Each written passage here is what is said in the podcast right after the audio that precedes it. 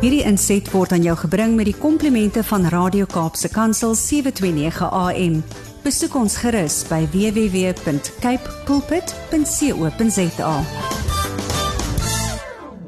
Baie baie welkom by nog 'n geestesgesondheid insetsel net hier op Leef vir Radio Kansel en Kaapse Kansel. My naam is Gerda Kriel, kliniese sielkundige van Somerset Wes, en ons kuier hierdie afgelope maand van Julie saam rondom die onderwerp van uitbranding. Nou ons het reeds gekyk hoe uitbranding lyk en ons het 'n bietjie gekyk na hoe jy jou leefstyl kan aanpas om jou teen uitbranding te buffer. Maar hoe gemaak as jy reeds uitgebrand is? Hoe behandel ons uitbranding? En as ons dit nie behandel nie, hoe kan uitbranding ons langtermyn impakteer? Nou ons weet dat uitbranding is wanneer ons daardie punt van uitgeputheid beleef wat ons kognitief, fisies en emosioneel heeltemal bo ons vermoë moeg laat. Wanneer jy by daardie punt kom, is dit so belangrik vir jou om te weet dat jy nou remme moet aandraai en dan moet jy die uitbranding behandel. As jy die kans kry om 'n dokter te gaan sien en dis waar jy eintlik moet begin met uitbranding is om net met 'n dokter te gaan praat en te sê wat jy beleef en hulle sal moontlik vir jou dan afboek. En dis dikwels belangrik, is belangrik om vir 'n tyd weg te kom van die stresor en soos ons verlede week gehoor het, is werk soms 'n stresor waarvan ons nie altyd kan wegkom nie. Maar as jy tydperk weg kan neem en net 'n bietjie uit jou omstandighede kan kom, is dit een van die eerste beste behandelings vir jou uitbranding.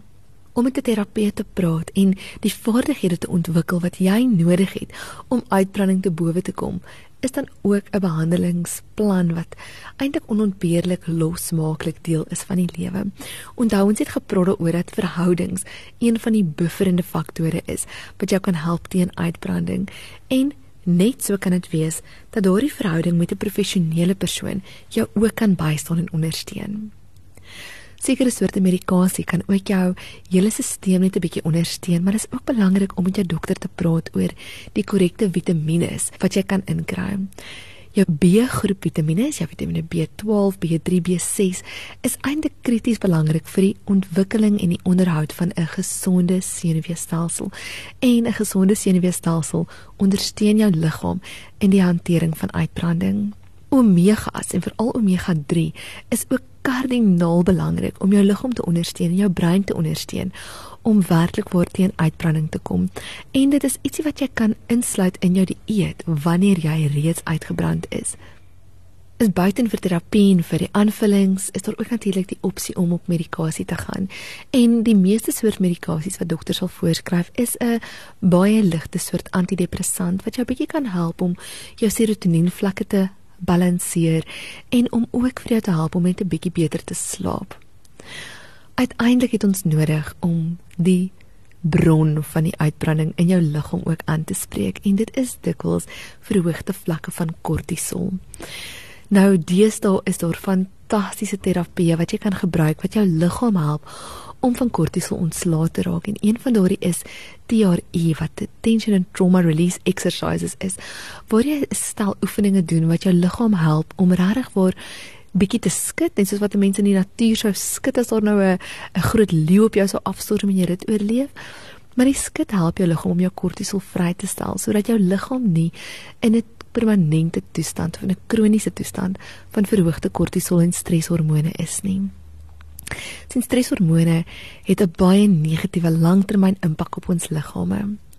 Dit kan lei daartoe dat jy 'n auto-immuunsiekte kan ontwikkel soos fibromialgie of selfs as kroniese moegheid waar jou liggaam meer vatbaar is vir inflammasies en, en infeksies en waar jy die hele tyd ongelooflik moeg voel. So as jou uitbranding nie behandel word nie, kan dit lei tot verhoogde bloeddruk. Dit kan lei tot verhoogde cholesterol. Jy kan ekstra gewig rondom jou middellyf optel wat weer kan lei tot allerlei hartvaskiektes. Onbehandelde uitbranding is net nie die prys werd nie. Nou weet ek, jy sit vandag daar in jou omstandighede en jy luister na my en jy dink ja, dit is maklik vir hom te sê gaan hom uit 'n teoretiese perspektief uit te kom en te sê wat 'n mens moet doen en hoe 'n mens dit moet behandel maar ek kan nie afvat by my werk nie of ek is onontbeerlik in die posisie waar ek is of ek het nie eers werk nie en dis eintlik my tekort aan werk wat vir my uitbranding veroorsaak. sal julle onthou dat ek met ons heel eerste insetsel hierdie maand genoem het dat vaardighede een van die kerndinge is wat ons help teen uitbranding. Dit help ons op twee maniere.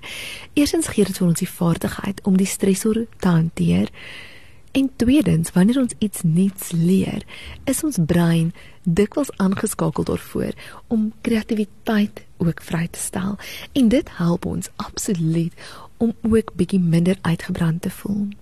As jy voel dat jy nie jou omstandighede kan verander nie, kan ek jou vra of daar iets is wat jy kan doen om miskien klein mikroveranderingkies te maak. Skuif bietjie die meubels in jou huis of verander miskien die plek waar jy elke dag eet of dek jou tafel net met 'n ander tafeldoek.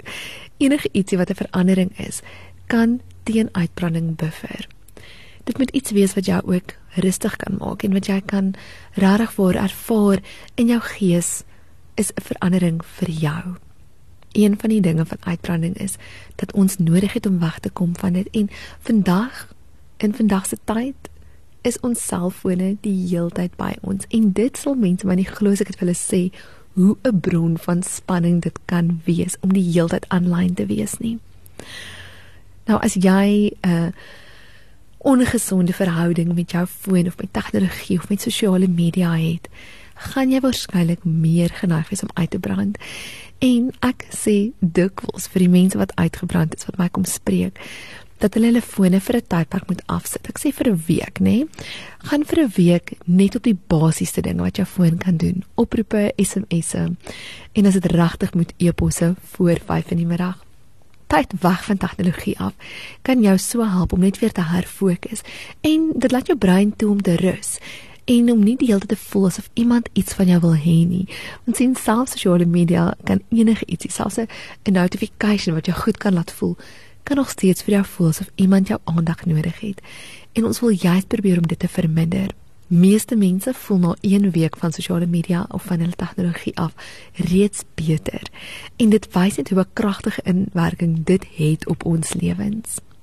Een van die belangrikste dinge wat jy moet onthou, is dat ons nie gemaak is om alleen te leef nie.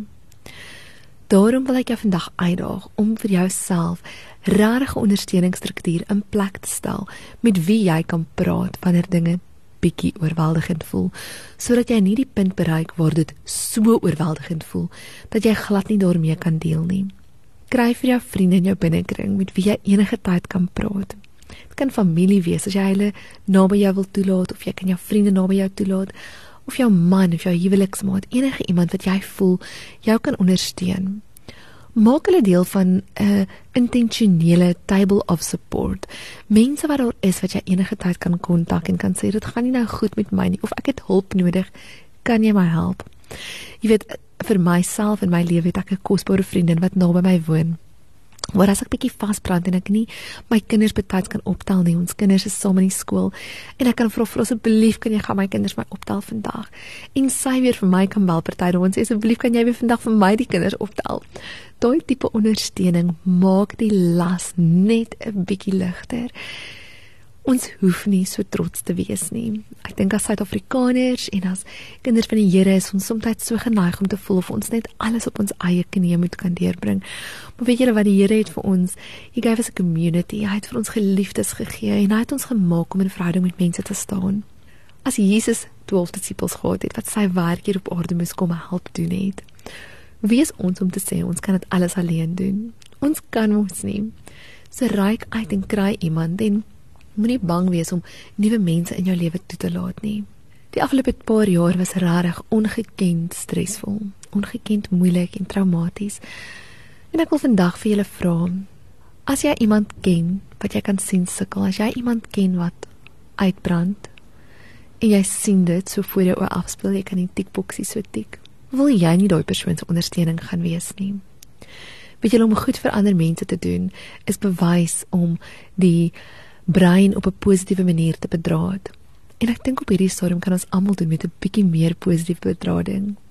So as jy iemand anders help, help jy nie net vir hulle nie, jy help ook jouself om werklik waar teen uitbranding te beweeg en 'n verskil in die wêreld te maak wat ons op hierdie tydperk so diep bitter nodig het. Mag julle hierdie week wat vorentoe kom so lekker saam kuier en asseblief ek nooi julle uit stuur julle vrae solank na die ateljee toe of stuur vir my e-pos. My adres is gerdakriel.psychology@gmail.com Ons wil graag volgende week interaktief met julle saam praat oor hierdie onderwerp van uitbranding en ek en Andri kan nie wag om volgende week in die ateljee saam te gesels nie maar ons wil so graag van julle hoor, ons luisteraars, hoe ons julle kan ondersteun en watter vrae julle nog het rondom hierdie onderwerp. Praat saam met ons. Ons is hier om te luister en waar ons kan raad gee. Poog ons om dit te doen. Mag jy 'n geseënde week hê. Ja, kuier volgende week saam in die ateljee en ek sien uit om hopelik meer van julle vrae ook te kan antwoord. Baie seën. Totsiens. Hierdie inset was aan jou gebring met die komplimente van Radio Kaapse Kansel 729 AM. Besoek ons gerus by www.cape pulpit.co.za.